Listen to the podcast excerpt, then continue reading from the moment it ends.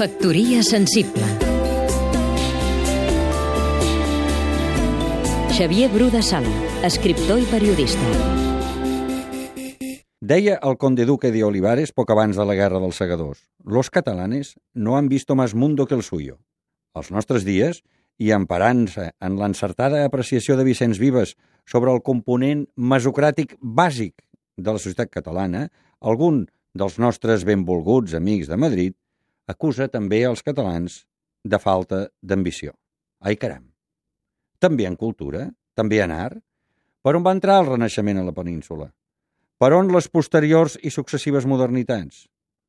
Qui ha liderat durant els últims segles la lluita contra l'endarreriment industrial i mental? Facin el favor de treure els Dalí i Miró del Reina Sofia i ja veurem què en queda de primera divisió mundial. Picasso hauria estat el mateix si de jove no hagués viscut a Barcelona?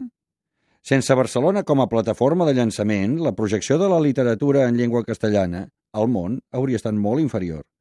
Comparin el Teatre d'Avantguarda de Madrid amb el de Barcelona. Que quedi clar que Barcelona és la millor obra dels catalans, el producte d'una ambició col·lectiva extraordinària dut a terme amb una molt escassa i intermitent complicitat de l'Estat, i molt sovint amb el poder central reticent o en contra o afavorint la capital del regne a la descarada.